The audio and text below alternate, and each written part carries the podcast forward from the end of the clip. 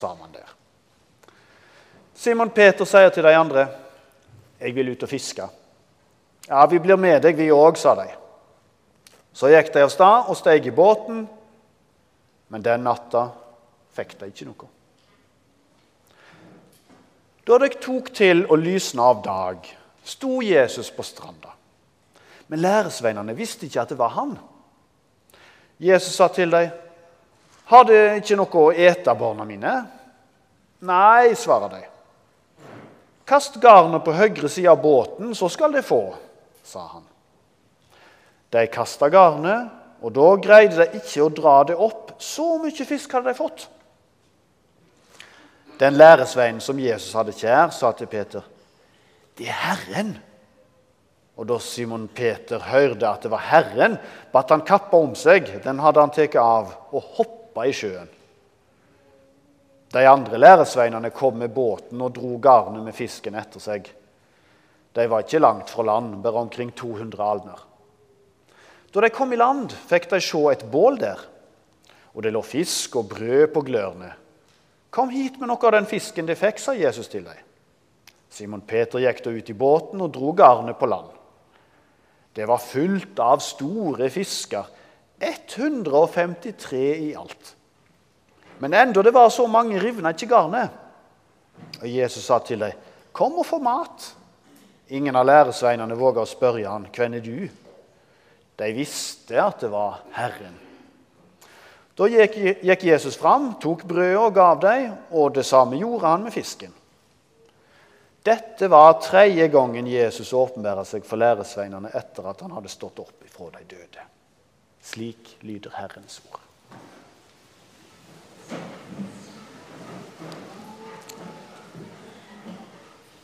En, Guds mønster i naturen og frelseshistorie.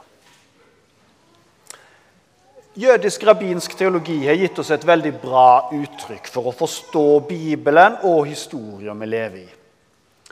Direkte oversatt fra hebraisk så blir det Fedrene sine gjerninger er et tegn for barna. Så Det som skjedde da Gud handla med skaperverket og med Israel og med folkeslaget i gammel tid, det er et tegn for de som kommer etterpå, inkludert oss. Et eksempel. Da profeten Hosea skal forkynne for israelsfolket om syndene de har gjort, så sier han om Israel De som Adam brøt pakta, der forrådte de meg. Altså, mønsteret i det Adam gjorde, gjentar seg i Israel. Samme greia skjedde begge gangene. liksom. Rytmen i skapelsen og mønsteret i frelseshistorien fungerer som en spiral. Ting gjentar seg på et høyere nivå. To. Svinging av førstegrøda dagen etter sabbaten. Israels høgtider som påske, pinse, løvhyttefest er òg tegn på hva som skulle komme, og hva som fortsatt skal komme. Så vi bør lese nyhetene på VG i lys av mønsteret vi har fått fra Israels høgtider. De store høgtidene i Israel, påske, pinse og løvhyttefest, har én komponent som er knytta til landbruksrytmen. Sånn? Rytmen i skaperverket forteller om Guds plan. Og De store høgtidene i Israel har òg en komponent av frelseshistorie. Det Gud en gang gjorde med israelsfolket, vil likne på det Gud vil gjøre framover med både Israel og folkeslaget. Påske i Bibelen heter òg de usyra brøds høgtid og varer i sju dager. Og mens de usyra brøds høgtid pågår, så skjer det sånn inni der enda ei høgtid. Altså dagen da det første kornbandet, altså førstegrøda av bygghøsten, skal bæres fram i tempelet på dagen etter sabbaten. Lene las nettopp om dette her fra Tredje Mosebok. Og bare da så ingen blir forvirra bygghøsten i Israel er om våren ved påsketider. Og Greia da med å bære fram det første av åkerens grøde til Gud, er at ingen får lov til å ete av den nye grøda før vi har takka Gud. Det er Gud som skaper liv på åkeren. Og Det er det samme prinsippet, det samme mønsteret, når vi gir tiende. Vi gir til Gud før vi begynner å bruke lønninga vår. Fordi det er Gud som ga oss evnen til å drive med arbeid. Det første tilhører alltid Gud. Fordi at vi stoler på at Gud både er den som har gitt oss alt, og fordi at vi er overbevist om at Gud er raus. Hvis Gud er raus, så kan vi jo gi, for da får vi mer. Sant? Jesus, disiplene og resten av israelsfolket de slakta påskelammet da, på 14. nisan, altså Pesar-aften, som det året var en torsdag. På 15. nisan, da er det første dag i Pesar, en rød dag, da ble Jesus korsfesta. Og på kvelden ved solnedgang så pleide ledere i folket gå og skjære bygg på en åker utafor Jerusalem. Og Mengden som de skulle bruke, da, det var en åmer, sånn ca. 3,6 liter. Og morgenen etter den røde dagen i påske, eh, første dagen i Pesar så tok presten i tempelet og svinga årets førstegrøde for Herren. For å vinne velvilje hos Gud. Og da lå alt klart for at Jesus Messias enda en dag etterpå kunne gå levende ut av grava som førstegrøde av Guds innhøsting og nyskapelse av liv. Gud viste på den måten at han var på vei til å gjenerobre skaperverket.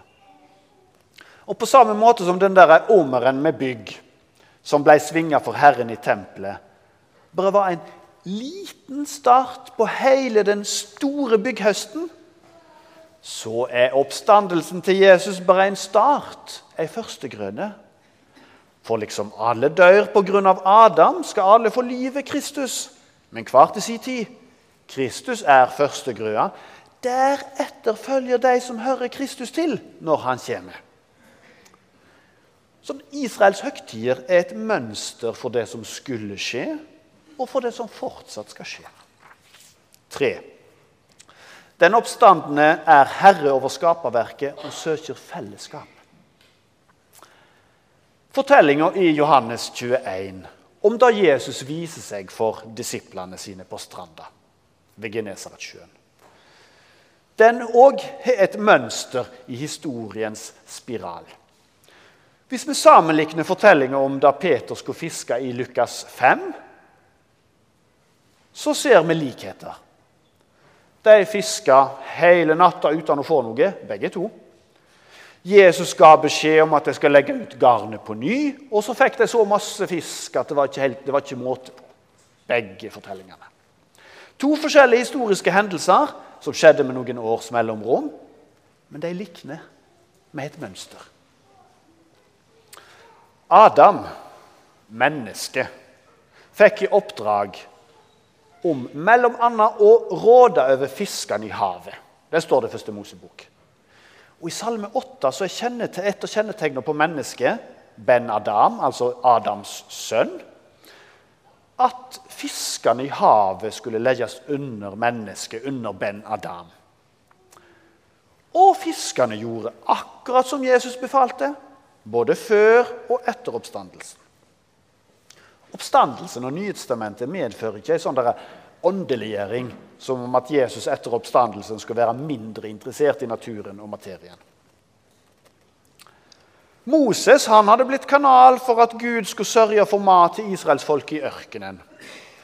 Etter samme mønsteret så sørga Jesus for mat til 5000 i øydemarka før oppstandelsen sin. Og I Johannes 21 så ordner Jesus glør med brød og fisk til vennene sine. Oppstandelsen til Jesus betyr ikke ei åndeliggjøring som om at Jesus etter oppstandelsen skulle være mindre interessert i naturen og materien og kroppslige behov. Men mønsteret i Guds handlinger går i spiral. Det skjer ei utvikling. I Johannes 21 så kaller Jesus disiplene for barn. Det gjorde han ikke i Lukas 5. Relasjonen har blitt bedre. I Lukas 5 så diskuterer Peter med Jesus før han gjør som Jesus sier, og kaster ut garnet. I Johannes 21 er det ingen diskusjon. Det er bare handlig tru. I Lukas 5 så reagerer Peter med frykt og dårlig samvittighet når Jesus viser makt over fiskene. For han sier til Jesus, 'Gå ifra meg, Herre, jeg er en syndig mann.' I Johannes 21 så vet vi at Peter noen få dager i forkant virkelig hadde svikta i form av å fornekte Jesus. Men Peters reaksjon på Jesus' i makt over fiskene og naturen fikk den effekten at Peter ble så ivrig til å komme nær Jesus at han bare kasta seg ut i vannet.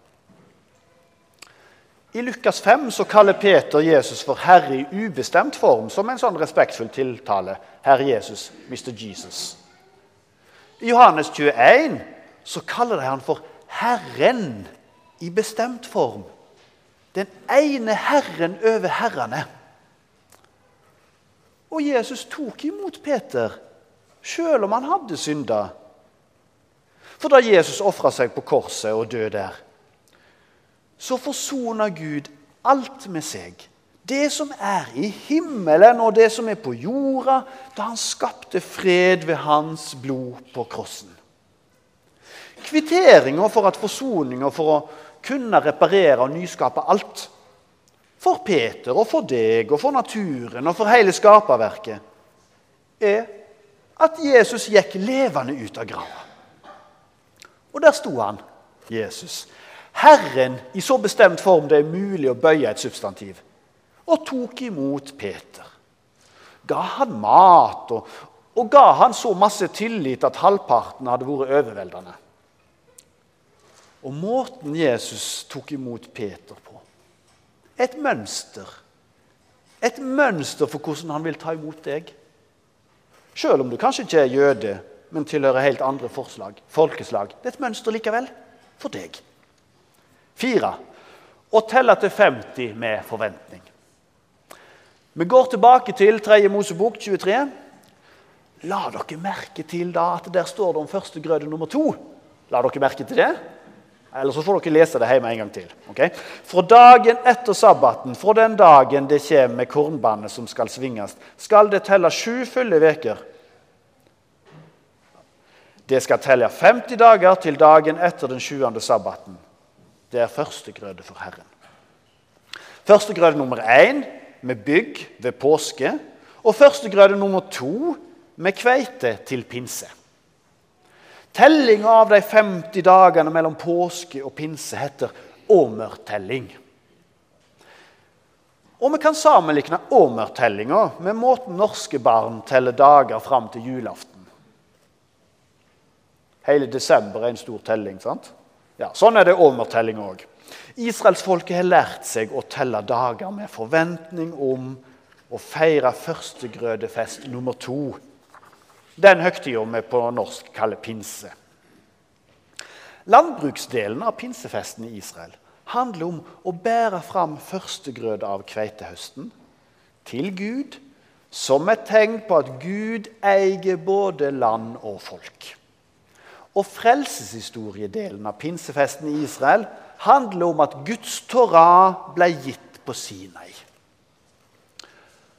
Og det året Jesus døde og sto opp, da var åmertellinga full av venting. Først så tok det masse tid før disiplene skjønna og tok inn over seg at Jesus virkelig levde. Og så fikk disiplene beskjed om å bruke den siste delen av åmertida på å vente. Jesus sa til dem, 'Det skal ikke dra bort fra Jerusalem, men vente på det som far har lova', 'det som de har hørt av meg'. For Johannes døpte med vann, men det skal døpes med Den hellige ande om noen få dager. Og førstegrøda kom til pinse. Gruppa av disipler og de andre som trodde på Jesus, de ble tatt i eie av Den hellige ånd. En snartur til Sinai-fjellet. 3000 mennesker i Israel døde som straff pga. at de ikke oppfylte budet i Guds Torah om å dyrke bare Herren, og i plassen så dyrka de gullkalven. Da døde 3000. Mønsteret i pinsehøgtida ble dreid ett hakk videre det året Jesus døde og sto opp. For da ble 3000 jøder døpt og åndsfylt. Fallet ved Sinai ble gjenoppretta. Førstegrøde nummer én altså Jesus' sin oppstandelse, ga opphav til førstegrøde nummer to av israelsfolket. I Nyhetstamentet så står det ofte om førstegrøde. Min, på minst seks forskjellige måter. A. Den oppstandende Jesus er førstegrøda, det vi snakker om. B. De første som tror på Jesus i en by, er førstegrøda. Førstegrøda av de som ble døpt i byen i eh, Nord-Afrika, der utsendingene våre bor. sant? Sånn f.eks. Se, Den hellige ånds gave er førstegrøda. Det vil Si pantet på at Gud vil gi oss mer. Vi har fått Den hellige ånd som et løfte om at det skal komme mer. Den hellige ånds gave er førstegrøde. Det De få messianske jødene som tror på Jesus, er førstegrøde av Israel. En gjenopprettelse forsont pga. Jesus. Førstegrøde. Er alle som tror på Jesus, er førstegrøde av skaperverkets fornyelse. Det står i Jakob. Alle som tror på Jesus. Førstegrøde av når hele skaperverket og naturen skal fornyes. fornyes. Og så F. De forfulgte kristne og martyrene er førstegrøde fordi at martyrene viser hvem som virkelig er herre i menneskehjertet. Det er ikke herlighetsteologi, dette her. Førstegrøde det kan medføre en del lidelse òg. Martyrene er førstegrøde òg. Akkurat nå så lever vi i åmertida mellom påske og pinse. Vi har fått del i Åndens gave, men, men kunne vi opplevd mer åndsfylde og frimodighet i Delk? mønsteret Gud har lagt ned i festkalenderen, der vi har nedtelling mot pinse hvert år, skal få oss til å være i ventemodus. Vi venter på at Gud skal gripe inn fullt ut. Så kommer enden når han overgir kongsmakta til Gud sin far, etter at han har utsletta all makt og alt herredømme og alt velde. Vi er vitne til at Guds førstegrøde er kommet. Våre søsken i trua rundt på jord, forbi på jorda, de som tror på Jesus, de er førstegrøde. Vi sjøl er førstegrøde. Vi sitter her med et tegn på at Gud er i ferd med å gjenerobre og gjenstreise skaperverket sitt. Hele nattværen er en sånn førstegrødefest. Hei, nå skal vi feire på forskudd. Det er det som er liksom greia. I det gamle Delk var det ofte en tanke om at vi skulle trekke oss litt ut av samfunnet. Skolene våre var for de som allerede var delkbarn, og misjonsdrivet til å nå ut til alle de unådde i verden. Det kom liksom ikke i gang før 1982. Det var som å spille fotball på resultatet og håpe at dommeren blåser av kampen før det blir flere baklengsmål.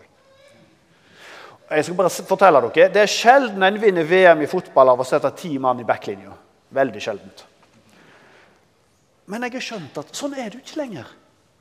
Nå blir det jo laga nabolagsfester rundt her i Skauen kirke for hele nabolaget. Det er bra. Så Det er som at det begynner å gå opp for oss at ordet 'førstegrøde' det betyr at vi bare har sett starten av hvordan Gud handler gjennom oss og gjennom andre søsken i Guds verdensvide kirke. og Handler gjennom ordet sitt og på veien imot alt som, at alt det som profetene har lova, skal gjenreises. Jesus har virkelig stått opp ifra de døde som førstegrøde. Det betyr at vi har bare sett starten av hva Gud har tenkt å gjøre med denne verden. Ære være Faderen og Sønnen og Den hellige ånd, som var, er og være skal, en sann Gud, velsignet i evighet. Amen.